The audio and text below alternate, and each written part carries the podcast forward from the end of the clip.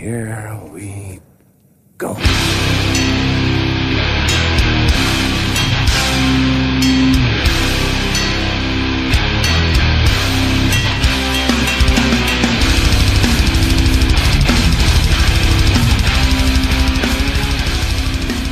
Sådär då, avsnitt 83 av Nere på Noll podcast. Vi sitter i de fina salongerna får väl jag säga då, eftersom vi är hemma hos mig. Eh, Robin, eh, och jag har med mig Danne Nätterdal, Hej, kul att man fick komma hit. David Olsson. Tja tja. Tja! Eh, har ni haft en bra midsommar? Ja, för fan, svinbra. Tycker jag. Inget att klaga på. Deppen var ju total när man kom in här, eller ni kom in här snarare, eh, efter fotbollen igår. Men eh, det som vägde upp det och fick mig på lite bättre humör, det var att David grävde fram den här eminenta journalisten Erik Niva när han rockade en Lastkaj 14-tisha eh, på Aftonbladet TV här nyss. Fantastiskt! Större skandalen att Sverige förlorade. Det är bara att lämna in presslägget. Ja. Riv passet, du får inte komma hem. Eh, nej, men eh, kul. Vi ska beta av eh, lite feedback från eh, förra gångens Samhain special Det tillsammans blev med... inte så mycket. Fa facit Per Ingmarsson hade... Tycker han la ner lagen ganska, ganska tydligt. Ja, verkligen. Jag var ju ute och, och sluddrade lite på rättigheterna där. Jag vet att vi fick, fick feedback från, från Krippe, Årstabaronen. Har du det på mejlen eller? Ja, Eh, han pratar just eh, en del om rättigheterna eh, gällande låtarna, men han börjar att som ultra Glenn Dancing Nerd måste jag kommentera följande på SamiN-avsnittet'' Filmen som Glenn var med i heter The Prophecy 2. Han är med i typ 30 sekunder och spelar ärkeängeln Samael. Passande. Vågar man gissa att den inte fick en Oscar? eh, angående rättigheterna då. Eh, Glenn Danzig får sälja Misfits-merch och äger rättigheterna till låtarna. Jerry Only får sä- sälja Misfits-merch och turnera under namnet Misfits. När han släppte Evil Live 2 så fick han betala royalties till Glenn för de gamla låtarna han hade med på dem. Potentiellt framtidsscenario gällande Chromags känns det som, men det ska vi komma till i nyhetsdelen. Ja, eh, ja, jag hade eh, det lite, för jag varit själv jävligt förvånad när jag läste här precis innan avsnittet att eh, Glenn Danzig hade sålt de fullständiga rättigheterna till Misfits-katalogen till Caroline. Eh, men jag hade fått lite om bakfoten, för det var alltså eh, inte privatpersonen Glenn Danzig som hade sålt sina rättigheter, utan Glenn Danzig i form av bolaget Plan 9. Så Danzig hade ju då såklart sina, alltså upp, upphovsrättsliga hade han ju rätt till, till låtarna eh, för royalties, men det var själva bolagsdelen som som han, eh, som han sålde bort. Det, det fattade inte jag när jag läste det. Ja, just det. Sen säger han också eh, angående Horrorbiz. Lyssna på när Glenn sjunger det sista You vid 02.13. Nuff said. Jag vet inte riktigt vad han syftar på där. Jag har inte lyssnat på, på, på låten. Men... Sen så säger han också att... In... Nothing I can't do, fuck you, tror Ja, okej. Ja, fan, fan med det. Eh, sen säger han också, inte nog med att London May är med i publiken på Samhain-gigget från VHSen i boxen. London May arrangerade gigget. Det är fan next level att veta. Kunna identifiera arrangören på en suddig VHS, men... Förutom Mephisto Walls som Erie och Glenn spelade in och som släpptes på Collection 2 så var följande Misfits-låtar skrivna till Sam Hain. Blood Feast och Death Comes Ripping. Hits. Verkligen. Man kan läsa intervjun i Forced Exposure från 1984. Blood Feast and Death Comes Ripping were originally Sam Hain songs and I gave them to the Misfits to make Earth AD a full album. Blood Feast is supposed to be a lot slower than it is on that album. Fan, Kommer du ihåg- Spännande! att vi pratade om att vi skulle göra en frågesport om Sam Hain? Ja, just med det. Per och, och han. Jag Ja. säga en showdown. Ja. ja, det blir avsnitt 100. Ja, det var jävlar, då får vi, då, då får vi fan ringa Danzig om vi ska få fram någonting av det här. Så, typ, vad va, vad käkar jag till lunch idag? Det kan de inte svara på. Ja, kul. Eh, i, I övrigt inte jättemycket feedback. Eh, dock bra grejer på, på fejan. Eh, fick in från Keyyo Lach. Tipsade om en ny black metal-platta som jag har fan låtit gått varm här. Det är ett eh, All-star-band från Norge som heter Ovate, eller Ovate, eh, som har släppt en självbetitlad platta. Och det här är ju dunder alltså. Vilken skiva! Ja, länge sedan jag var så peppad på black metal som nu alltså. Är det nytt eller gammalt? Det är från eh, t- 2018. den här skivan. Var det inte han som tipsade om den här Misfits Ramones crossover-grejen också? Ja, exakt. Det var ju riktigt kul. Eh, alltså ett band, de hette The Jasons, eh, som, som kör, nu ska vi se, fan, de kör alltså Ramones-låtar rakt av, fast de sjunger Misfits-texter. Texter, ja exakt. Och det blir totalt mindfuck när man kan låtarna, alltså de sitter ju i ryggmärgen båda två, och sen har de mishmashade ihop sig. Eh, finns på Spotify, där man kolla upp, det var jävligt kul. The Jasons alltså. Fett. Eh, ja, jag vet inte. Ska vi gå in på Hänt i veckan? Sure. Eh, jag kan ju börja med då, eh, den största punkrelaterade nyheten. Eh, alla av NoFX amerikanska datum har ställts in på deras kommande turné här. Eh, jag vet inte om de har tänkt att köra Punkin Drublic rakt av igen, eller eh, om det bara är en festival som de drar runt med, som heter Punkin Drublic. Men hur som, eh, den här kommer komma till både Europa och Sydamerika och Asien. Men just då, alla amerikanska datum har ställts in. Och varför är det då? Jo, de spelade ju på eh, en Las Vegas-festival för, för några veckor sedan. Jag vet inte om det var Punk Rock Bowl eller något sånt där. Och, Bowling heter det. ja, bowling kanske. Punk Rock Bowling. Och då droppade eh, den sköna sägningen att det bara är countryband som blir dödade i Vegas.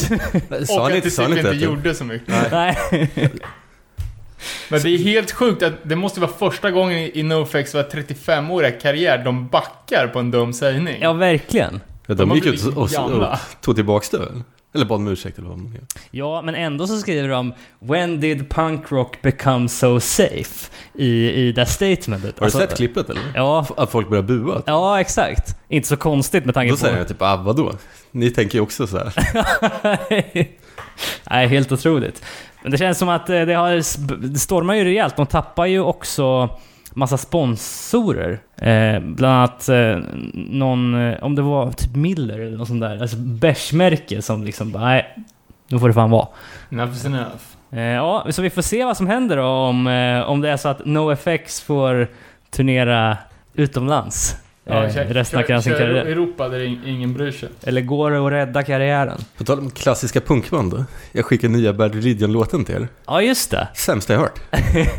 ja, inte speciellt bra, men titeln är ju Titeln var fantastisk. rolig. Ja, Eh, det är alltså Bad Religion som har släppt låten The Kids Are Alt-Right. men, Men- håll med om att det var ju så jävla sämst. Ja, då, låten i sig var ju fruktansvärt dålig. Sen så ser eftersom den här, det var väl en musikvideo, eh, den är textad, så liksom låt, te, te, eh, texten kommer ju upp i videon hela tiden och då ser man ju vilken jävla gott textförfattande den mannen sitter på. Ja, det är ju jävligt eh, välskrivet. verkligen. Men skitdålig låt, det håller jag med om. Eh, Det verkar som att det är en standalone singel, ingenting som kommer komma med på kommande fullis. Och det är väl tur det. Förhoppningsvis inte indikativt av vad det har att erbjuda. Sen såg jag ett annat av eh, mina mer favoritband då, bara för att snabbt beta av allt som inte är hardcore, nämligen Real Friends har annonserat en ny fullis. Eh, ser man fram emot. Första på två år. Är det någon emo-gäng eller? Ja, vi snackade om dem i poppunksavsnittet. All right. Han hörde ni det nya svenska poppunkbandet? Jag tror det hette Wayside. Wayside. Ja. Ja, vad fan. Det, det var jävligt bra. Jag tyckte det var gött alltså. Skärp dig nu Danne. De spelar på Gula Villan förfesten till eh, eh, den här spelningen vi var på. Alive and Wellfest. De var första band ut. Ja, ja, ja, ja, ja, ja, ja, jag, är med. Jag, det kan ju finnas flera nya poppunkband. Men ja, det är ju svinbra. Ja, det var ju... Grymt alltså. Jävla hög kvalitet. Eh, så, och sen kan man också nämna Respite från Göteborg som har släppt en demo. Ja, ska Eh. turnera i Örebro har jag hört. Eh, ja, precis. Up, upcoming mäktigt. show alltså. Ja, lite eh, 90-tals eh, doftande. Precis. Eh, ja, jag så eh, några nya släpp som är claimade. Sheer Terror ska släppa en ny sjua i sommar. På avsomnade Reaper Records. Det var länge sedan man såg något, något därifrån. Eh, så vet jag inte om vi snackar om det här. Against. Eh, bandet som är någon sorts pre-suicidal tendencies. Mm. Ska släppa några gamla demolåtar. På Radio Raheem som är bra grejer. Eh, de ska även göra eh, reissue på engelska Acid Attack och D-beat New York Hardcore-bandet Hellbent. Kan bli coolt. Sen såg jag även att Maniac, Boston-gänget, har släppt nya låtar som låter jävligt bra. Eh, och det är precis det so- soundet som man hade hoppats att nya Integrity kunde ha. När det är liksom rått. Ja, just det. Eh, och ändå har någon sorts relevans. Eh, Ja. Fan, mer, man ska sjunga mer om krig och mindre om häxor. Ett tips till Druid. Så även att Integrity har släppt en Pride t-shirt. Aha. Ja, jag såg också det. Ja, fan.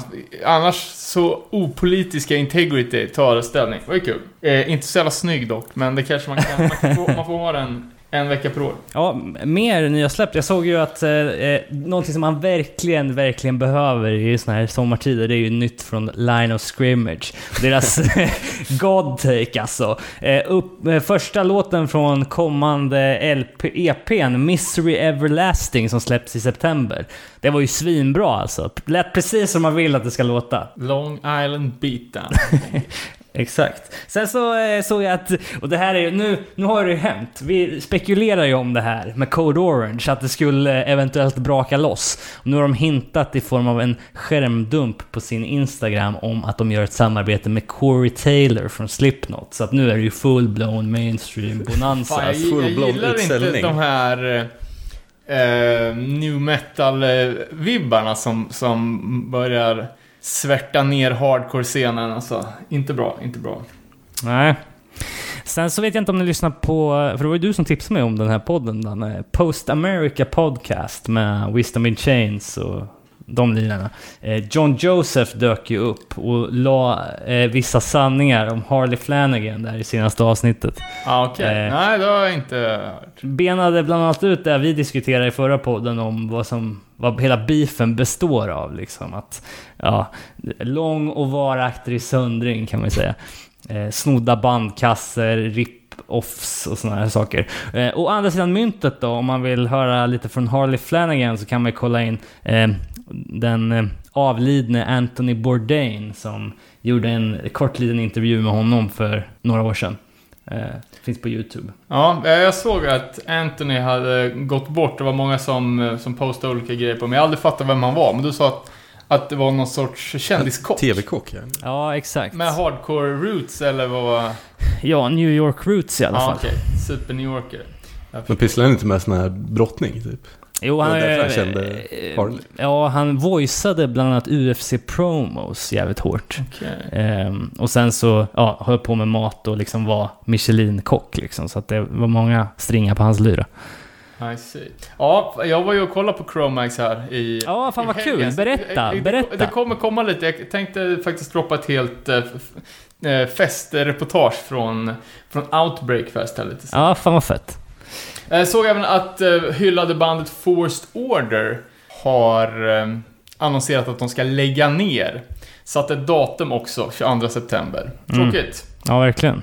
Eh, sen har jag en som står här, eh, hemligt, inom parentes. Abinanda, två gig i höst. Va? Eh, jag, var inte har så hemligt längre. jag, jag har inget mer på det. Nej, okej. Spännande, spännande. Ja, tror du? Det var nog allt Eh, jag har ja. skrivit upp. Jag... Eh, Nya Madball måste vi prata om. ja, just ja, för fan. Du, du har, har du lyssnat mycket på den? Ja, ganska. Vill du dra någon form av Ja, review? Jag tyckte det var jävligt bra. Ja, de två senaste skivorna, är bra, men inte jättebra. Alltså, Men det här var ju förra fan- var svinbra ju. Jag tyckte Bästa, det. Hur mycket har du lyssnat på den 90-talet? senaste? Nej, det har man ju gjort några gånger. Ja, för det var den från 2014 va? Hardcore Lives. Ja, men den här börjar ju typ likadant. Jag tänkte bara, fan, är det en till sån här... Jävla, det låter ju som typ soundtracket till ett jävla EA Sportspel typ. Ja, alltså... Men sen, efter första låten, då var det ju bra som fan. Ja. Och jävligt annorlunda. Fan, vågar vi spela en låt eller får vi stämningsansökan på oss? Nej, vi kan nog spela en låt. Eh, alltså jag ser ju här när jag kollar tracklisten så ser jag ju Spår 6, eh, Evil Ways featuring Ice-T och sen har vi The Fog featuring Tim Armstrong. Det är också intressant. Men jag tror att han har producerat hela skivan. Ja, ah, okej, okej. Och den är ju fan jävligt sång, sångig. Jämfört med... Men ni har lyssnat också eller? Inte på, eh, inte på For the Cause som den här heter då. Men jag blir jävligt sugen nu när jag kollar på Men det är lite så här, det låter ju typ som Wisdom in Chains nu. Ja, det är inte massa utfyllnader på den här plattan heller som det var på den förra. Alltså, Madball har väl alltid jobbat med jävligt långa plattor om man ser till hardcore standard. Men det var väl ett par live-låtar med på den förra också som kan ramla bort lite. Men 12 bangers säger du. Det är nästan... Vilka Typ, typ 12 bangers. ska vi spela öppningsspåret då? Nej, Sma- det var inte så bra. Nej, okej. Men Vilken? någon låt i mitten. Någon låt i mitten? Ja, men då kör vi Evil Ways featuring Ice-T.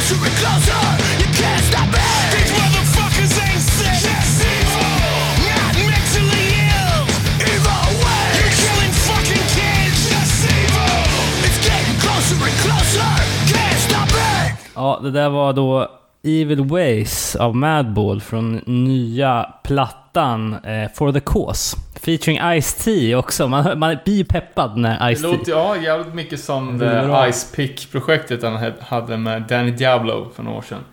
Madball är aktuella, Sverige-aktuella också. Spelar 8 juli på Pustervik, Göteborg. Eh, Den man ju dra på. sen blir det säkert något Stockholmsgig också, men... Eh, Tror du det? Det är bara två veckor kvar ju. ja, i och för sig. Ja, fan. Då, då får, det där, där vi ju lätt Det får man inte missa. Eh, också, du sa David, någon form av ballad på den här plattan det också. Närmaste de har kommit en ballad. Det var riktigt långsamt. Manowar-vibbar kör du Danne. Och det håller jag med om alltså. Eh, ja, nej, men det är ju någonting med Tim Armstrong eh, inblandning i allt han gör. Att han, nu har han ju tvingat Freddie Madball att sjunga. Så är det. Efter, det här var det här elfte fullängden. Och han bara tar ton pojken. Det är ändå lite gött att det inte bara blir samma... Nej, samma nej. de har ändå kvar gunget liksom. Eh, ja, nej fan. Uh, känner mig lite slarvig som inte har lyssnat mer på den här plattan. Uh, Madball är ju ändå Madball. Veckans bummer då, man ser att Sam I Am annonserar en Europaturné. Man bara yes, klickar in. Tror inte att det är en klassisk sju dagars Tysklandssväng. Det är ingen Europaturné, det är en German tour eller någonting sånt. Skriv det istället för fan. Men hur som, hela okto- eh, en vecka i oktober så kommer de vara i Tyskland. Eh, Stackarna. Ja. Eh, sen eh, så såg jag också att eh, en av de mest hypade plattorna och banden just nu, Vain, har släppt en ny skiva som heter Error Zone. Men är det också lite nu metal typ? Ja, det är, det är inte alls min typ av hardcore säger jag inte med jag. stora kaninöron. Men Jag är inte heller så... så galet hypad dock Som alltså. fan alltså. Eh, mycket efter det här giget på This is Hardcore, det var väl förra året. Eh, det var ju en jävligt mäktig video från det giget på Hate 56. Eh, men det är för mäckigt, jag gillar inte det. Det är Nej. lite... Men är det typ Slipknot eller? Jag vill aldrig lyssna på Slipknot, men eh, bara de som släppt på Revelation 89. Eh, nej, men det är lite för sån här eh, tidig Death Wish Trust Kill-stuk. M- Meck typ. Lite mäckigt ja. Eh, lite Men de har inga så här stiligt. masker eller något sånt jävla gimmick. Nej, de har windbreakers och hoodies. Eh, jävligt unga kids. Eh, de lirar ju också på Outbreak Fest. Eh, Men eh, när man hörde snacket innan så var det ju typ det folk var mest peppade på. Eh, Kan vara för att det är väl första gången de är i Europa. Mm. Eh, så att det fortfarande finns en så här en nyhetens behag koefficient i det hela. Men musikaliskt så tycker jag inte att det kanske är det roligaste bandet. Eh, ja, innan vi går in på din Outbreak-dagbok så ska vi eh, också bara nämna eh, det här med As I Lay Dying. Vi har ju varit inne på, på dem tidigare. Nu har de ju börjat spela live igen också. Kan du inte bara, för de som inte har lyssnat på den här podden de senaste åren, eh, dra en liten recap, vad har hänt? As I Lay Dying, ruttet metalcore-band. Ja, eh. Precis, från San Diego från början. Eh, nådde väl någon form av mainstream-medvetande 2014 då när sångaren Tim Lambesis blev gripen för att ha försökt betala för en hitman för att ha ihjäl sin fru. Eh, sjukt mycket roliga detaljer från den rättegången också. De har ju spelat på Deadfest en gång. Eller? Ja, eh, Ja, då gick jag ut och satt i bilen. Eh, men de, den blev ju liksom väldigt eh, liksom, turnépaketiga. Liksom, har de ju alltid varit från mitten av 2000-talet och framåt. Liksom. Eh, men ja, en extremt eh, Var inte de tragisk... kristna också? Jo, exakt. Vilket det kom fram under rättegången att de bara frontar för att tjäna pengar. Och, ja, det var Ja, liksom... exakt. Ha- ha- Sångaren då anklagar sina gamla bandkompisar för att ha fejkat sin kristenhet för att kunna appellera bättre till den kristna amerikanska publiken. Ja. Och sen hade ju Lambesis, nu tar jag över lite men Ja, ja, ja. att han hade eh, i fängelset lämnat in en stämning mot amerikanska staten. För att han inte hade fått tillräckligt mycket bromsmediciner för sitt anabola missbruk. Han hade börjat utveckla man-boobs. ja, den detaljen var ju vi snabba med att plocka upp. Inte det man vill ha ett amerikanskt fängelse förmodligen. Nej, verkligen. Skulle han ha tänkt på. Men eh, eh, han blev släppt från fängelset 2016 i alla fall eh, och eh, verkade gå tillbaka till att producera band igen.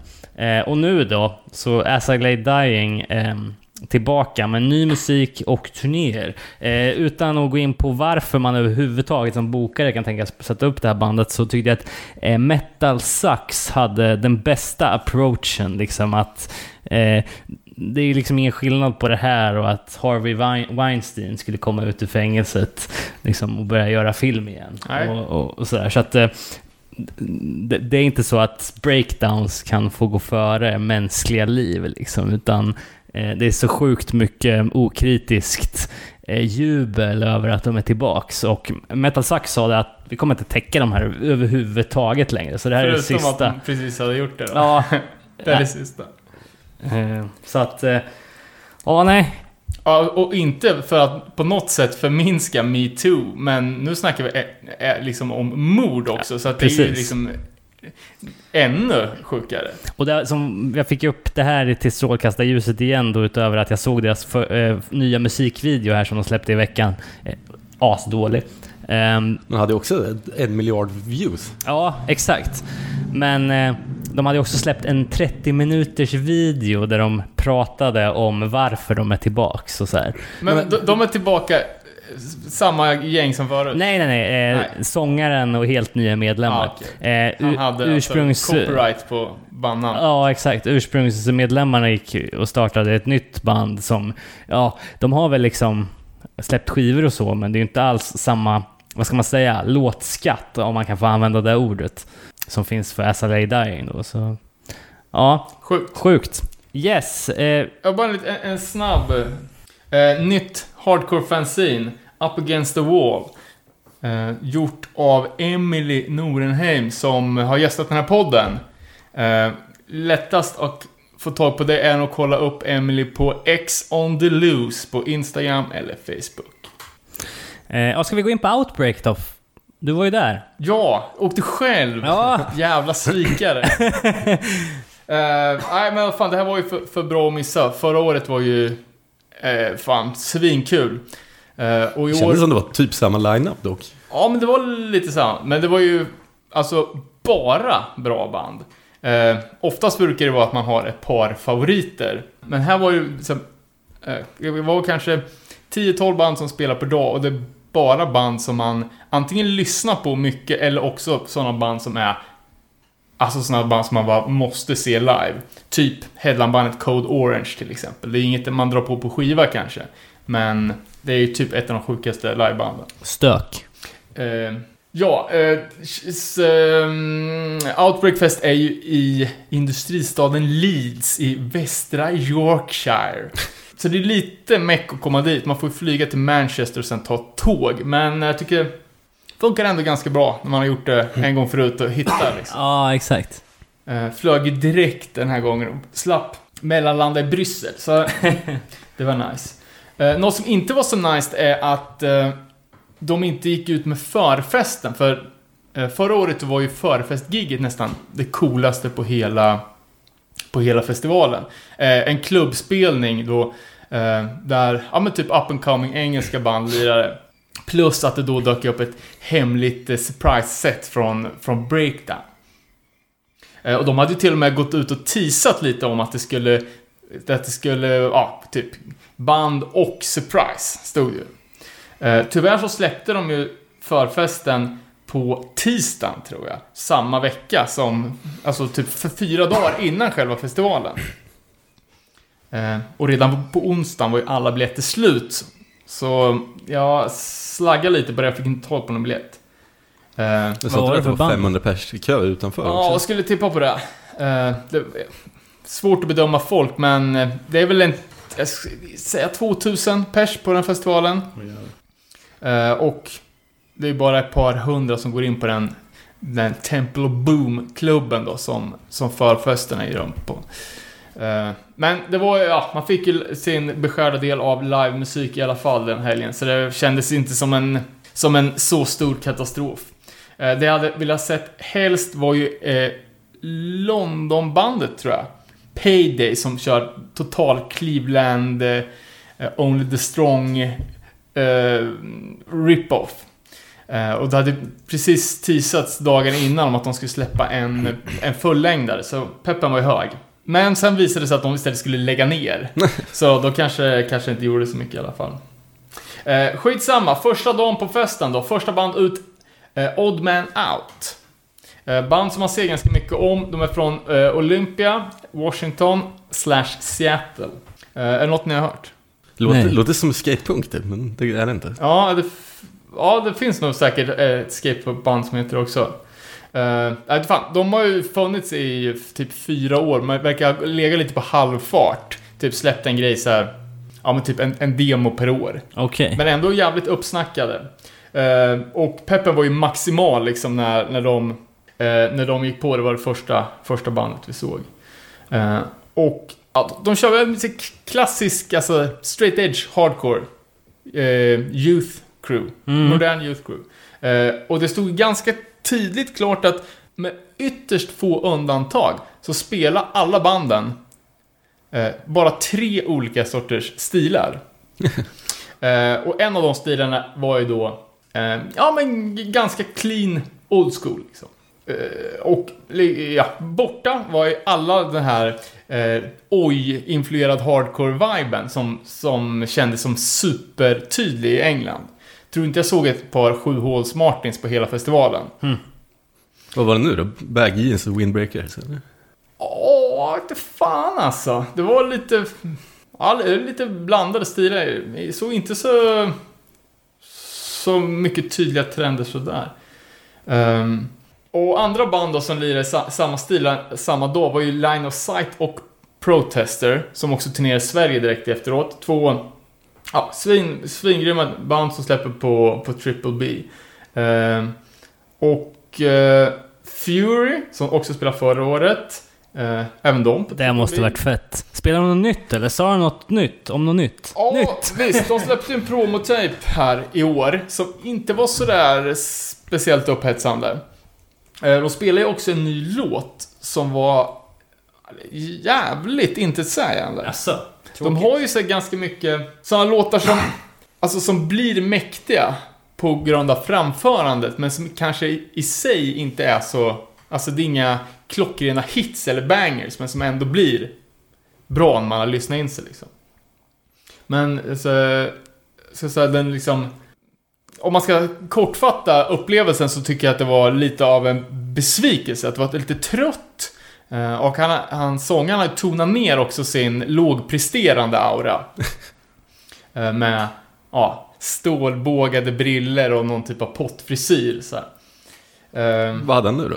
Ja, typ mer vanliga, vanliga kläder.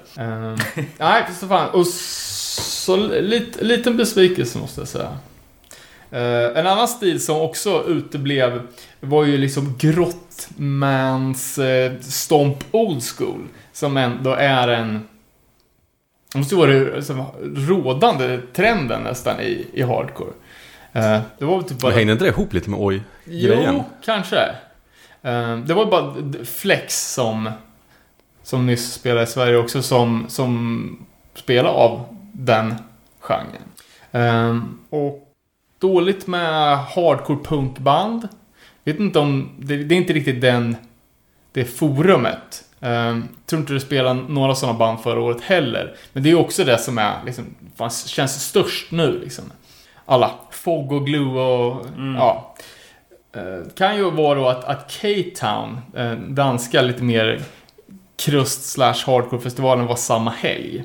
Eh, och där var det ju jävligt mycket svenska band som lirade. Misanthropic, Hag, Profos, Beyond Pink och Hårda Tider spelade och de hade ju alla bra, bra tider. Ja. Eh, kolla även på, på K-Town så här spelordningen. Och, eh, om Outbreak Fest var slut 11 på kvällen så spelar i sista band, Headline spelar 03 på K-Town. Fan. Och, Då blir man ju trött på att höra. ja, och efter det var det DJs. Eh, sen såg jag, vet inte fan, någonting som, som jävligt vidrig hipster-cykelparad. Eh, jag vet I inte. Danmark. Ja, Jag tror det heter Bike Wars eller något. Att de typ bygger lustiga cyklar typ. Jag vet fan, det är någonting som är jävligt onödigt. Jag tycker det känns så jävla hipstrigt när man... Jag tror att det är mer hippie dock. Ja, En kanske. hip, hipster. Ja, men alltså när man gör att cykla till en grej. Utan när man ska, ja, när, när, när det är någonting som är så unikt så att man måste göra en parad om det. Alltså. eh, vad vet jag? Någon som var på K-Town får de gärna höra av sig och rapportera. Och skicka in bilder på häftiga cyklar. Jag menar det. Men innan vi kommer in på heavy hitters då, eh, på Outbreak. Hur var liksom eh, det tyngre då? Jag kommer ihåg eh, ett, eh, ett jävligt bra band förra året var ju Spinkick alltså. Det var ju hårt så in i helvete. Det var ju nästan mer åt slam-hållet alltså. Var det någon form av representation där i beatdown, eh, slam-hållet liksom? Hette de verkligen Spinkick? Det var ett danskt band. Eller tyst Split Knuckle kanske Split heter. Knuckle. Ja, Ja, ja, det var ju några sådana, de Chambers som lirade förra året, men... eh, nej, om man ska gå in på det hårda så var det ju liksom den, en av de tre kategorierna då. Eh, och det var ju band som man kallar för total jävla slakt. eh, där Vane var ett av de banden. Eh, först ut var ju Zero the Knife. Eh, för mig nytt band som jag kollade upp, de släppte ju en ny platta här alldeles nyligen. Uh, jävligt 2000 Alvaran-stil. Eh, med lite så här, ja men, belgiskt eh, 90-tals-vibes och så här. Jävligt bra spelning, sjuk pepp. Det och, ser ut som det var jävligt våldsam marsch. ja, det var helt sjukt brutalt. Eh, jag såg Jakob Bondesson, som inte är den som är den, skrev att det, var, det här var det mest, eh, liksom, typ våldsamma morsen han har upplevt i hela sitt liv. Jävligt eh, lik eh, den eh, Year of the Knife, First State Aggression. Det är lite samma typ som Renounced har på sin fullängdare från eh, 2016. Theories of Despair. I alla fall på omslaget. Morsade du någonting eller? Ja, lite grann. Men det var ju alltså... Vi, vi stod ju eh, långt fram på när Jesus Piece skulle spela. De gick upp direkt efter eh, Year of the Knife. Då kände man ju alltså fruktan. Alltså, det här går inte alltså. Typ, om en sekund kommer de liksom slå ut och då är, vi, eh, då är man död. Ja, Eh, Så jag lyckades ta, ta skydd. Jag stod bakom en pelare typ på, på kortsidan av scenen, liksom, nere på golvet. det var Canal Mills igen. Ja. Ja, Eh, tegelbyggnad, typ... Eh, mycket mindre än jag kommer ihåg det från förra året. Ja, ja. Och det finns ju liksom inte så mycket ställen att fly på. De har ju två pelare står direkt på, på sidan av scenen som folk stage-divar runt. Som gör att det blir jävligt svårt att läsa vart folk ska ta vägen. Så man får ju alltid någon jävel i facet. Ja. Eh, och det är inte så... Det är inte så vänliga stage dives heller, utan det är ju slänga sig liksom, ja, dra, dra volten och sen så bara skicka sina jävla klackar Ja. i facet på, på den som står på rad tre liksom. Eh, men Jesus Peace är ju ett sånt där band som, ja fan, det är ju ett band som man måste se live alltså. Eh, så jävla hårt. Och jag skulle säga att liksom, nu är ju musik, det, nu är det ju så jävla extremt. Både musikaliskt och liksom på dansgolvet. Jag tror inte, det går inte att göra musik. Någon gång kommer det aldrig kunna bli hårdare än så här. En Jesus piece. Ja men, ja. Framförallt de. Ja. Eh, För de har ju liksom inte ens låtar, utan det är ju bara... alltså det är ju det är bara eh, typ olika utringningar och sen död. Ja, exakt. Man kan ju kolla deras, också återigen då för att gå tillbaka till Hate 56. Man kan ju kolla deras spelning på This is Hardcore. Var det förra året? När de hade gästningen av hon tjejen. Ja, jag tror det var sångens dotter. Ja, så, så jävla mos alltså. Ja, det var magiskt bra. Eh, sen spelar ju Twitching Tongues.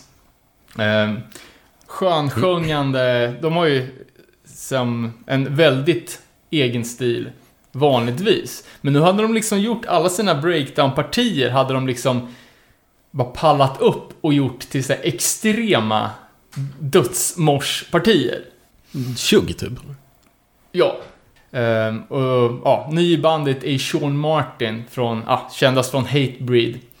Uh, spelar ju alla de tre gyllene triangelbanden från Connecticut. Eh, och han stod ju och headbangade och liksom, ja, man fick såna jävla goa gamla Hatebreed-vibbar av det. Eh, Spelar de nya låtar eller? Det var ju fan ett tag sedan. De släppte ju en ny skiva. Ja, de, inte så jätte, jätte länge sedan. Vad den ja precis. Ja. Ehm, jag vet faktiskt inte. De har ju de har fan släppt fem plattor nu. What? Ehm, om man räknar med den liven, Third World, eller World War 5 eller vad fan den heter. Och sista bandet ut då, det som var den absoluta headlinen. Och det är fortfarande dag ett det här nu. Ja, nu, nu hoppar jag lite. Ja. Nu, nu är vi inne på slaktbanden. Och det är Code Orange. Och man märkte liksom att det här, är- de är stora nu liksom. Uh, hade liksom en scenshow med ljus och. Oj, oj, oj, Och, och mycket liksom, ja men lite, de kör ju, de har ju gått jävligt mycket in på industrisoundet nu. Eh, men de har ju inte heller låtar. De har ju liksom inte ens en vokalist. Utan de har ju, ja de turas ju om och bara skrika du vet mordhot eller morskvals i mikrofon. De har ju liksom inte så här vers, refräng. Utan det är bara kaos. Ja. Och de har ju också en jävligt egen stil liksom. Och såg ju direkt bara, ah, okej, där är Code Orange. För då ko- kom den liksom, ja men. City Common. Det är inte så många som rockar den. Och så den här, de har ju så här rollspels eh, entusiastkläder, liksom olika nätbrynjor typ. Det är svårt att få en bild av om det är bra då eller inte med tanke på att det är liksom... Ja men... Att det blir lite spex. Ja, så här, och också att liksom det är den publiken, den lokalen, det är mosigt liksom. Men är det så jävla bra då? Eller vad, hur kände du? Ja, så nu var ju, Code Orange var ju sist av, ja, sist. Så Du var sliten. man, man var ju inte på, på topp liksom. Eh, men de fick ju en sjukt, sjukt bra respons och det är ett magiskt bra liveband. Så att det var ju, det var ju jävligt fet upplevelse. Och headline dag ett då, det var ju ett av mina personliga favoritband från, ja fan, nästan från när man växte upp med, med hardcore liksom. Och det var ju Floor Punch. Kungarna. Men, av- de headlinar eller? de spelar sist dag ett. Eller gjorde de det? Nej, För de inte. var ju Nej. deras logga ganska liten Det jämfört de, med det Code Orange. Det gjorde typ. de inte alls. Floor Punch spelar näst sist dag ett. Och då märker man liksom att eh, i sig själv liksom hur man går igång på ett, ett band där man kan alla texter till alla låtar. Att det blir liksom en, en så jävla mycket, alltså det är då man kan gå in i det liksom. Mm. Eh, när man bara äntrar dansgolvet och bara har inte en tanke på att liksom, man bara är där nu och bara maxar liksom. Och det var fan länge sedan man gick all out liksom. Ja. Eh, sen blir det ju lite hyckel. Man hade ju senast dagen innan druckit bärs. Står ändå där och... Ja, du vet. ja. Eh, Gråtclaimar olika straight edge slogans. Men så kan det vara. Men var, det var bra eller? Det var så jävla bra. Jag tror, jag, jag tror nog att folk var överens om att det var... Bästa? Ja. Kanske då med i eh, att det sista bandet dag ett då, som var Turnstyle. Eh, tror det var de två giggen som, som, som, var- som var behållningen liksom. Och det var lika bra som vanligt turnstyle eller?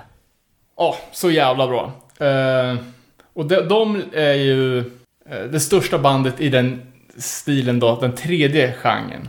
Eh, typ avslappnad flum, jag bryr mig inte hardcore. Eh, där det ska vara clean song, det ska vara mycket effektpedaler. Och de gör det ju så jävla bra. Mm. Eh, ja, andra plattan Time and Space kom ju här. Fan, det var inte så länge sedan. Hyllad! Verkligen. Eh, och Värdig. det är ju inte så jävla många band som kan göra två så gjutna fullängdare. För de, de är ju alltså inte någonstans på väg neråt, utan de kommer bara, bara gå uppåt. Eh, lite tråkigt att nu den nya, nya plattan är mera clean song baserad. Eh, och det är ju framförallt basisten som, som sjunger de grejerna live. Eh, och han var ju så jävla bra på scen och nu blir han lite låst vid en mikrofon för han måste sjunga Ah. så mycket. Men de är fortfarande svinbra live. Och publiken är ju, alltså, det är fan svårt att se något band som, som äskar upp så mycket jävla pepp alltså. Nej men alltså Canned Heat och hela den tidiga grejerna de släppte är ju liksom Det är ju så här stage dive bonanza Ja, alltså. verkligen. Tror du att de Eh, sålde mycket merch eller?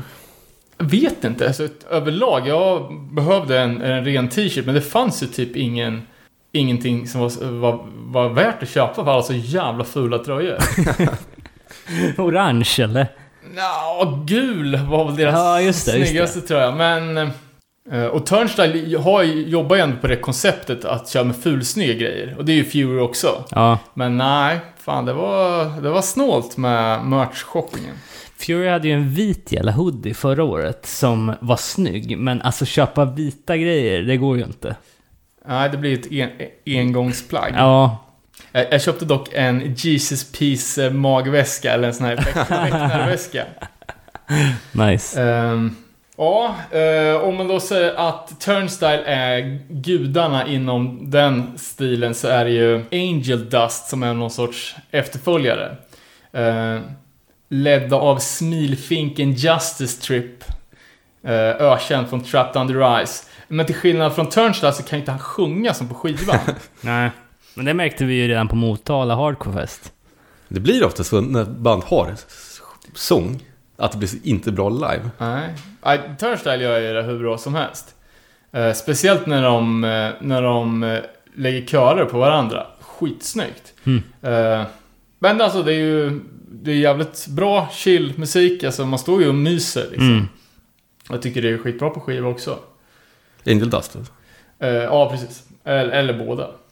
Eh, sen är ju Europas motsvarighet till eh, Turnstyle då, de heter ju Higher Power. Eh, Spaceat. Och de kör ju, ja men lite, lite Turnstyle och sen lite så här Leeway, sena Chromags stuket. Eh, har aldrig riktigt fattat det bandet och framförallt för att sången, jag, jag vet inte riktigt vad han vill åstadkomma med sin, sin sång. Nej. Men musiken är ju jävligt bra. Ja, sen ett, ett band då som, eh, som var väl det...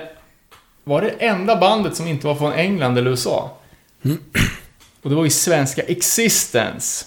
Som har släppt ny skiva så. Som hade release eh, för sin nya sjua Into the Furnace. Eh, svinbra. Ja, det var fan riktigt jävla bra. Och alltså de, de, de gör ju fortfarande sin egen grej, men de börjar bli farligt nära avslappnad flum, eh, jag mig inte effektpedals hardcore. Eh, så jag hoppas ju verkligen, för min skull, att de håller i det och kör mer New Hardcore. Eh, men för bandets skull så är det ju såklart mer lukrativt och, och eh, bli Sveriges Turnstyle. Ja, ja, ja, ja. Men de fick också sjukt bra mottagande, de sålde jävligt bra. De var ju det enda bandet som hade snygga tröjor. Ja. Eh, och jag hörde folk runt omkring liksom som jag inte kände som pratade om det. Bara, "Åh, fan vilka var det här? Och de var jävligt bra. Så, Coolt. Eh, så det var ju, ja det var fett. Och ja, ett av de banden då som stack ut och inte spela i en av de tre mallarna då. Eh, ni ska få gissa, gissa genre. X-Servitude X. 100% vegan mangel. Jajamensan. Grönsaksmanglet. Vegan Edge Metal. eh, ett engelskt band som vill vara italienare. I, ja, men komplett med träningsoveraller från Sergio Tacchini och kappa. Blonderade och med kantiga gitarrer. Vad sa du att de kommer ifrån? Ja, de är från England. Eh, ja, men de ja, men kör liksom Sentence, uh, purif- eh, Purification eh, och blåste även av en Archangel Count. Åh djävulen. Eh, och det, såg, det är väl nästan den enda trendspaningen som jag lyckades uppfatta. Det var att det var jävligt mycket Archangel och Kickback-merch. Oj, oj, oj. Eh, så jag tänker ju liksom att de kidsen nu som, som kom in på Repentance för några år sedan, att de nu liksom har letat sig back to the roots och börjat kolla upp de här alltså klassiska grönsaksmangelbanden. Ja, just det. Fan, det är en jävla bra genre alltså. Ja, fan. Ja, det, var, det var nya för mig. Eh, och jag varit sjukt peppad på grönsaksmangel, så jag uh, lyssnade jävligt mycket på det sen. Hade de släppt något eller? De hade inget att sälja, men de släppte en sjua för något år sedan. Eh, så jag vet fan om En de... episk sampling som intro eller? Ja, ja, det, Det var... måste de ha haft. Ja, det finns ju på Spotify, Path to Amnesty. Från förra All året. right, fan det måste jag kolla. Med X-Servitude X. Och då bandet, det är väl det sista nu som inte har nämnt. Chromags. Eh, av någon anledning så fan, jag är ett lika stort Chromags-fan som någon annan, men inte heller i år hittar man den här jävla superpeppen som på till exempel Floor Punch. Men det var eh, Harley Chromax Flanagan, Nej, eller var det John Joseph eh, John Joseph? eh, Chromags. Och Han är de, inte heller så bra på att sjunga egentligen. Han sjunger väldigt lite. Och värre ska det bli, ska jag säga. eh, de lirade ju förra året också med AJ Neverello eh, på gitarr, Mackie på trummor. Eh, Mackie hade ju extra hög trumriser så han skulle synas bra. Ja, det var så. För förra året satt han ju jävligt högt. Jag Ja. tror jag aldrig jag sett en hardcore-trummis sitta så där högt. Eh, och det var ju också någonting, för att de gick ju på till det här jävla Clockwork Orange-introt som de alltid gör. Mm. Eh, Men när liksom de skulle kicka igång så såg jag att de höll på och skrek någonting om hans jävla trummor. Jaha. Så det liksom vart inte pang på direkt efter introt, utan att det stapplade igång lite. Okej. Eh, och sen spelar de back-to-back fyra låtar från Age of Coral. Helt okej. Eh, det gick ändå, jag stod i hästskon och levde, så att det var ju, Ja. det var ju okej pepp på det. Sen körde de två låtar från Best Wishes. Sen uppfattade jag det som att det blev någon typ av basstrul. Jaha. Eh, och basist, ny basist den här gången var ju Mike Dion. Eh, New York Hardcore-legend. Eller, eller Senap han är känd för. eh, för eh, JJ drog någon... Något jävla o, obegripligt eh, introsnack och presenterade Street Justice. Men sen så kom de av sig liksom lite och var på och micklade med den där basen. Så han var tvungen att liksom köra ännu ett krystat mellansnack. Det kan ju i och för sig vara eh, höjdpunkten på en sån spelning om man har tur. Ja, det skulle det kunna vara. Jag, jag, jag fattar inte riktigt vad han, vad han ville säga. Men sen så brann det i huvudet på John. Josephs. Börjar han heila eller? Nej. Nej, men han slutar sjunga. Asså? De räknar igång Street Justice och han bara inte med. Han bränner hela första versen eh, och refrängen. AJ, som inte ens var med på Age of Coral, står och mimar till honom och skriker texten och han hittar fortfarande inte låten. Men han stapplar runt på scen då? Ja, man gör ju sin jävla chicken walk. Han, och han står ju sk- skitmycket och kollar på Mackie, det gör han ju jämt. Ja.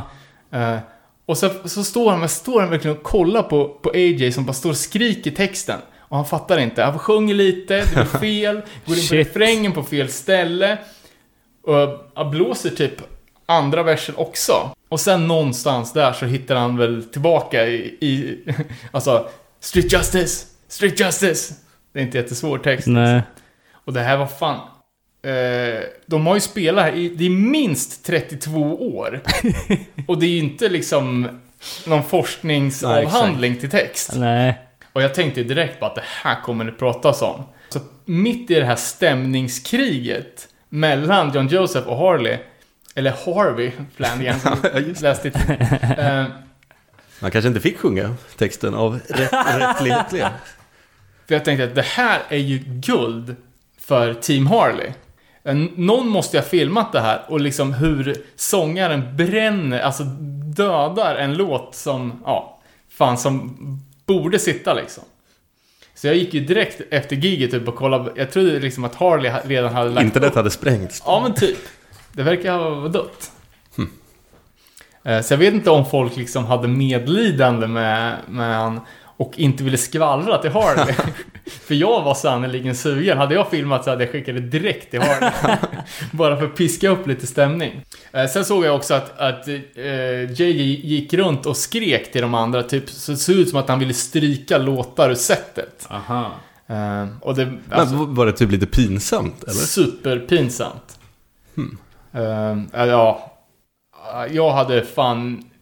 Jag vet inte vad jag hade gjort om jag hade varit han alltså. Det var inte... Det var inte... Det var cringe jag. Får lite rockstar-vibes när man hör sånt där alltså. Ja, men jag, jag fattar inte hur det går till. Okej om, man- det, om det är dålig medhörning, och, men... Det ska fan inte vara möjligt att Inte om, bränna en jag antar att de får ganska mycket pengar för det där också. Ja. Flyga dit. De måste ju kunna repa innan. ja. Men de har ju precis varit ute på en lång turné i USA. Det var bland annat då han hoppade på den här Post America Podcast när de lirade i Philadelphia. Eh, ja, så jag, jag tänkte ju liksom när... Ja. Uh, Chromax var ju näst sist. Och jag tänkte bara, fan vad skönt att de inte var headline. Mm. När det var alltså sån jävla nivåskillnad på Code Orange-sättet. Som ändå var professionellt sett. Och det här jävla tafflet alltså. Ja. Sjukt. Uh, all in all, jävligt uh, värd upplevelse. Och jag ska garanterat åka dit nästa år igen. Ja. Ja, då får vi se till att inte banga. Eh, ja men fett. Ro, eh, bra rapporterat. Eh, Eh, ja, mycket svenskar där också, såg jag. Ja, fan det var minst 20 pers. Ja, så det var jä- jävligt kul. Lite tråkiga nyheter att eh, Floor Punch sa ju att, ja, jag tror de sa att de inte hade spelat på två, på två år. Och att det här var sista gången de spelade i England. Och då räknar man väl bort resten av Europa också. Ja. När fan var det de spelade på skylten? Det känns som att det var ganska nyss, men det kanske var ett tag sedan. Ja, jag vet inte fan. Jag får fundera på det. Jag tror för, första gången var ju på 90-talet och sen spelade de en gång på Typ tio år sedan. mitten på 2000-talet. Ja, spännande. Eh, ja, eh, om, om vi inte har något mer då så kan vi gå in på en liten bonus här då. Eh, vi har ju fått den eminente Tor från podcasten Bilda kedjor som ni kanske har hört. En eh, eh, podcast som Tor gör tillsammans med Jens. Eh, Anarkistisk podcast. ja, Akademisk, high-producerad. Jävligt mycket intressanta reportage. Eh, och nu är det så att Tor har varit och intervjuat Brian från Catharsis eh, för våran räkning. Jävligt kul. Eh, men den här intervjun är ju helt och hållet producerad av gänget från Bilda kedjor. Men de ville att vi skulle sända den och det gör vi med glädje. Så eh, vi rullar intervjun med Catharsis eh, av Bilda kedjor.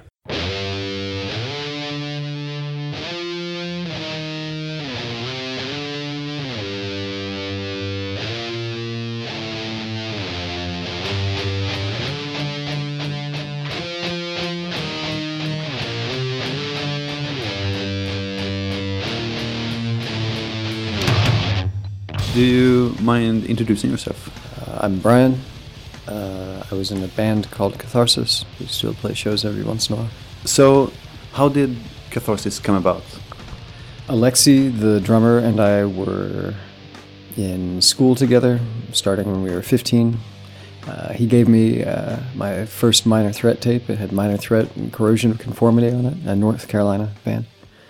Uh, that was really good, you know, for the, the first few years they existed.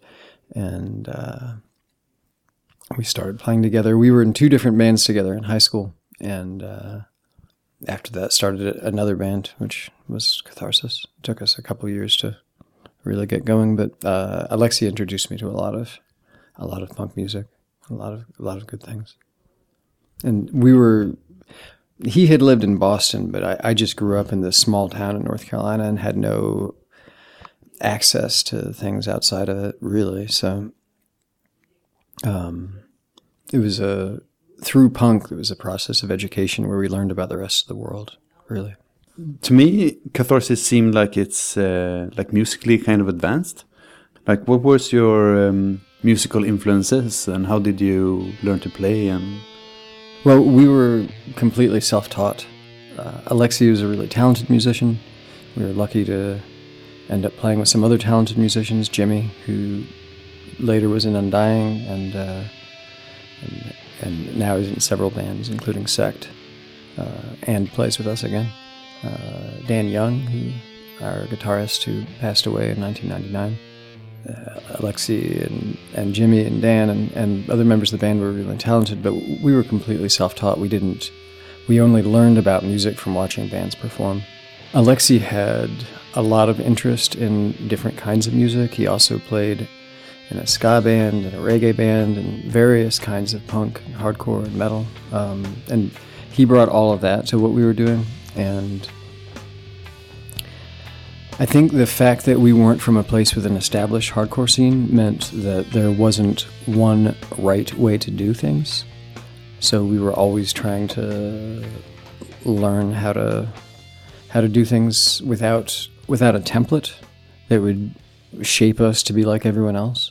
So I was coming from being a teenage goth, really, you know, and uh, I was probably as influenced by reading existentialists and you know uh, various like literature like Charles Baudelaire or something you know as I as I was by any particular hardcore band. Um, I don't know. I mean the first music we were listening to together was like the exploited and agnostic front you know this kind of like uh, not particularly nuanced uh, punk and hardcore.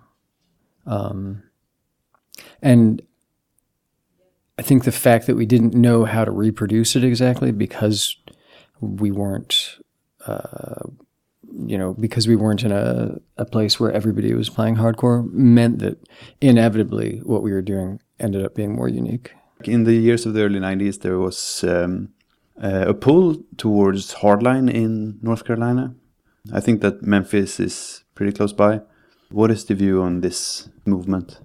Hmm. Oh, let me see if I can remember everything all the way back. Memphis is further from where we live than uh, than you are from Berlin, probably. Memphis is not that close in the U.S. But hardline was definitely a, a phenomenon then. There were conflicts with people who, you know, became sort of like wannabe gangster, straight edge people in North Carolina for sure. I was always straight edge also, so it was really just a conflict about how to be straight edge. I remember when Catharsis went on tour for the first time, and we played in Indiana. The the entire hardline scene came out to confront us. Basically, because uh, politically, I was coming from a sort of a Nietzschean framework from yeah, reading Friedrich Nietzsche and other existential philosophers and seeing ethics as something that we have to construct ourselves, you know, a way of being responsible to ourselves and to each other, not a set of laws carved into the world that we have to be obedient to. And the hardline framework was very much uh, a, ki- a kind of traditional Christian morality, you know. I mean, Christian morality teaches that, that animals are just objects for us to use, but if you expand the sort of notion of commandments that we have to obey to include respect for the lives of animals, also you have this sort of hardline hardline mentality that I don't know. I was always really critical of it, also because of the stuff about abortion rights. But the the bottom line is that I just thought it was philosophically bankrupt, and in retrospect, we can see the the intersection between a lot of the rhetoric coming out out of groups like Earth Crisis and far right frameworks. You know, so I I don't think we were wrong really. No, I I agree. I think that um, as much as uh, as as I can see Earth Crisis being uh, an important inspiration for a lot of animal liberation activists, and like it was important to to that kind of movement in that time. Earth Crisis brought a lot of like really really bad shit into the hardcore scene that I wish never, in retrospect, I wish never happened but just also reading or to me reading like older crime thing stuff like of War Nights of Love and um, the things I came in contact with when I started listening to Catharsis back in 2002 or something it seemed like it was um, very inspired by situationists and we used to call we used to call the kind of music that came out of crime thing for situationist metal like Catharsis, Spectacle, Newborn those bands. Did you have like the music that was released from Crime Think? A lot of it sounds in a sort of particular way. Uh, do you have any? What did you call it? And and do you have any ideas or thoughts on this? Huh? What did we call it? I mean, we we understood ourselves as we always use the word hardcore punk. You know, not not hardcore like sportswear, not punk like. Uh, like hot topic, you know, but like hardcore punk, you know, like uh, punk that can't be reintegrated into normal society. It was a period when there were bands that were influencing each other. Um, I remember, I guess, the last time that Catharsis played the Blitz in Oslo, uh, the spectacle opening the show and, and when they had just started playing. And it was clear to us that we were seeing something that resonated with what we were doing also. This band Zagota that was from North Carolina. So we were always at the same shows talking about what we wanted music to do. John from Zagota, who lives in Stockholm now, who I just visited, you know, played guitar with Catharsis when we came to Europe in 1999, and that expanded his perspective on the world too. I think. I uh, I don't know if we we didn't call ourselves situationist metal, but that's a that's a genre that I wish still existed. There were probably a lot of other bands that that could fit into that framework in some way, like Creation's Crucifixion or something. You know, many of which I guess are probably forgotten in the hardcore scene today.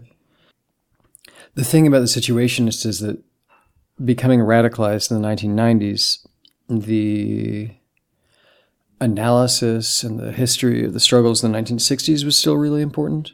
The 1960s were the most recent period of massive social upheavals, and situationist theory was some of the fanciest theory to come out of that because it was French, of course, you know, and seemed to speak to our our situation, especially at you know at the end of the 20th century when the internet era was was just arriving I think that that was yeah that was influential for a lot of us. But we were reading a lot of different things really. Yeah, Refused was one of the bands. Speaking of Sweden, that that also made this sort of situationist chic. You know, I don't know if if we were situationist metal, maybe they were situationist rock.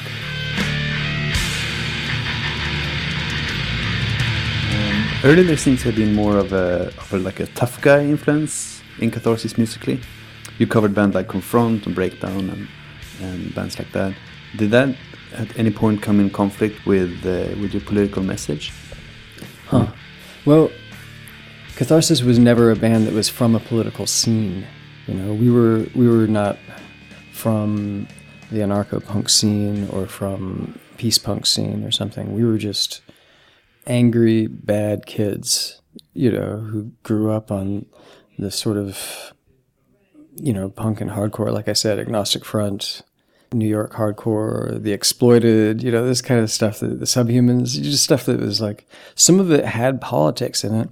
Some of it had good politics in it. Some of it had bad politics in it, you know? But we weren't from a particular scene, so we were more just trying to make sense of our reality. And in the end, the radical politics and anarchism offered the most useful tools for understanding our situation.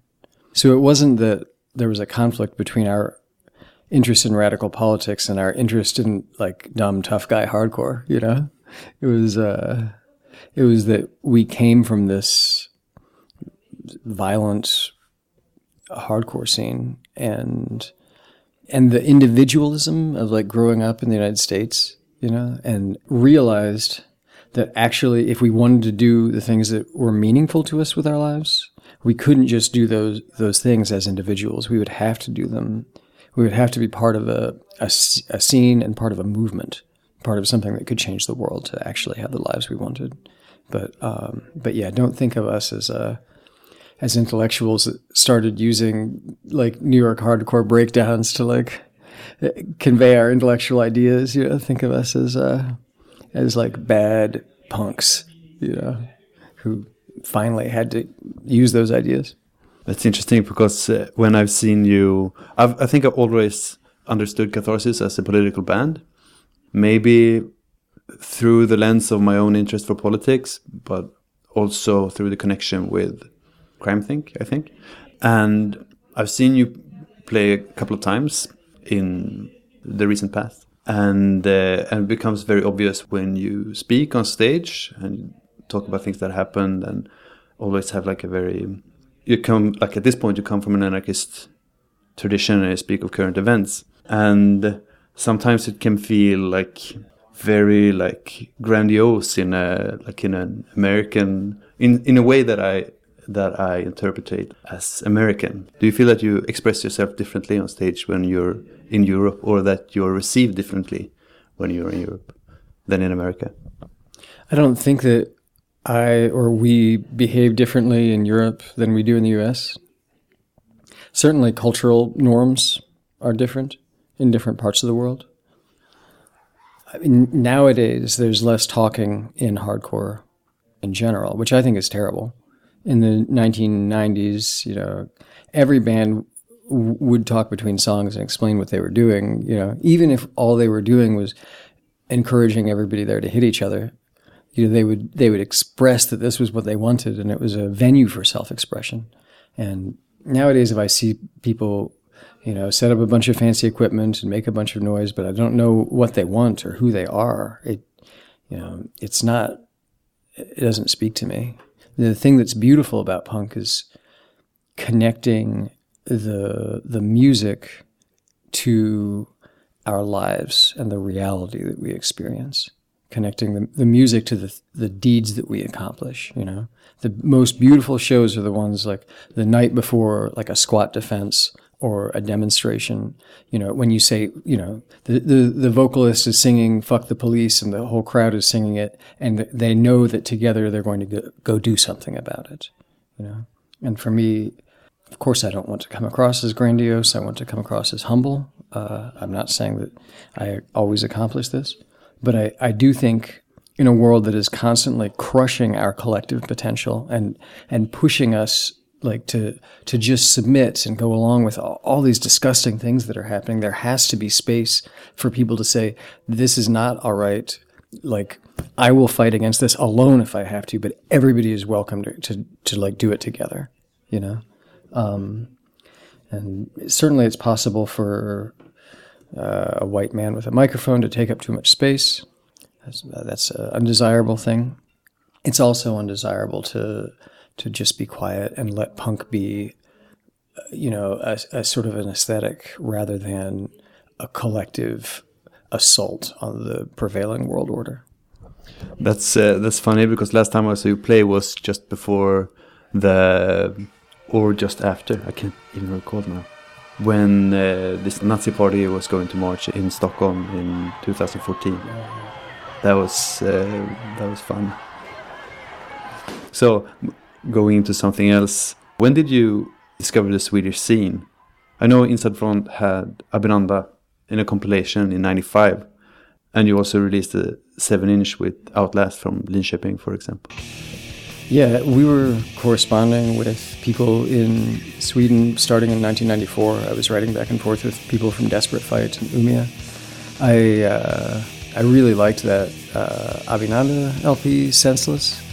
Um, I don't know. I correspond with all those people. I never really liked this band Refused, but I, I got really excited about Final Exit. I remember, and uh, didn't figure out that Final Exit was some of the same people until uh, until I, I met uh, Refused in 1998. They were playing a show that we were playing in Belgium on my 24th birthday, and seeing them perform was also really, uh, really inspiring and transformative. Just to see hardcore used in this expansive way, you know, that that like broke out of the bounds of what hardcore was supposed to be, or what the you know gendered performance of a, a male hardcore singer was supposed to be.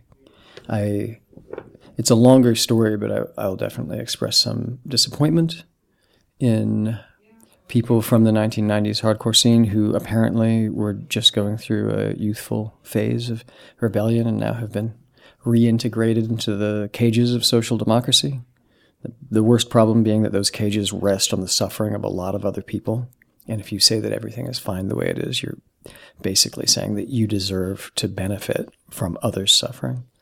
Um, but you know the I certainly wouldn't want to say that the entire Swedish scene from the 1990s has turned out that way. Some people are still down, uh, and being in being in dialogue with with people from around the world before the internet, you know, in the mid 1990s, when I was just some person with a minimum wage job in a small town in the, the United States, that was really important for me, for sure.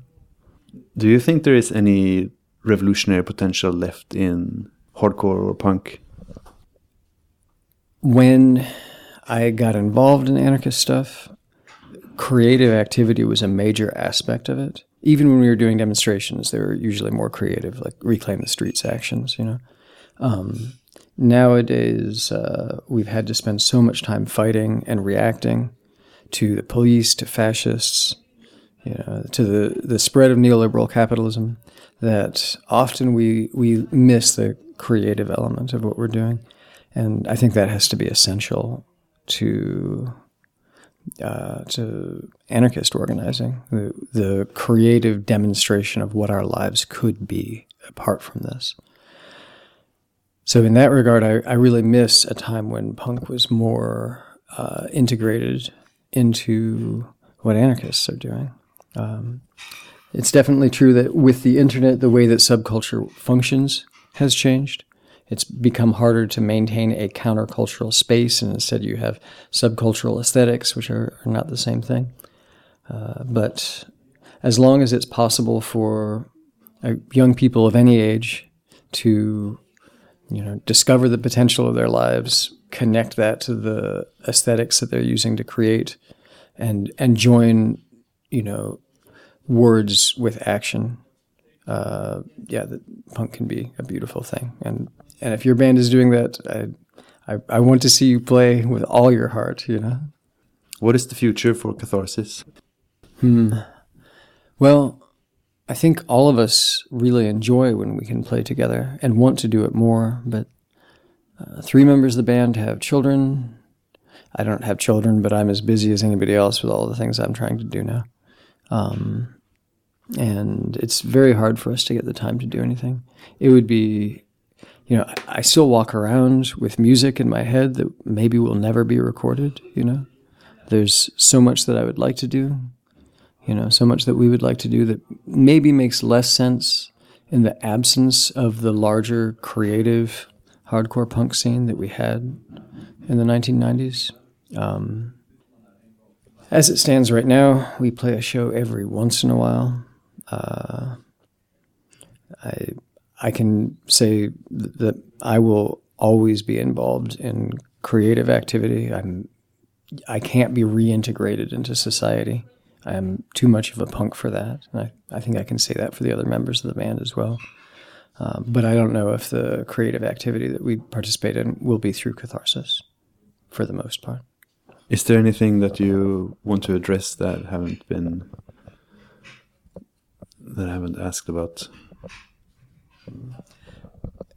if there are people listening to this podcast who are into hardcore, I just want to say music is strongest when it's connected to a life of complete revolt. You know, that's that's what what we deserve from punk, not not a music style, but a, a revolutionary threat.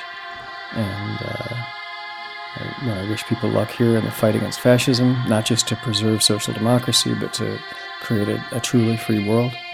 And uh, good luck with everything and all your efforts.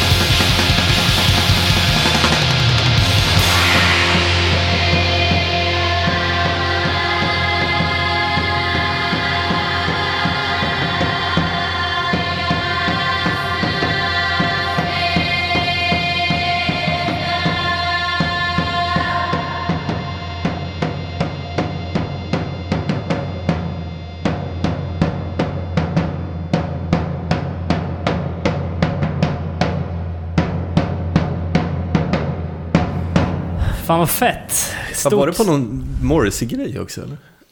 Eh, ja, nästan. Uh, nej, vi, vi tog en, en eh, hel dag i Manchester. Eh, Leeds kändes som inte hade så mycket mer att erbjuda. Eh, så bara blåste runt där. Och första skivbutiken som jag var i så hittade jag så här typ turné, eller turné, vad fan heter det? Turistbok. Med Smiths-tema. Eh, så det- Map to the Stars eller vad det heter. Ja, men typ. Ja, men det var så här ställen som de har, som de har, som de sjunger om.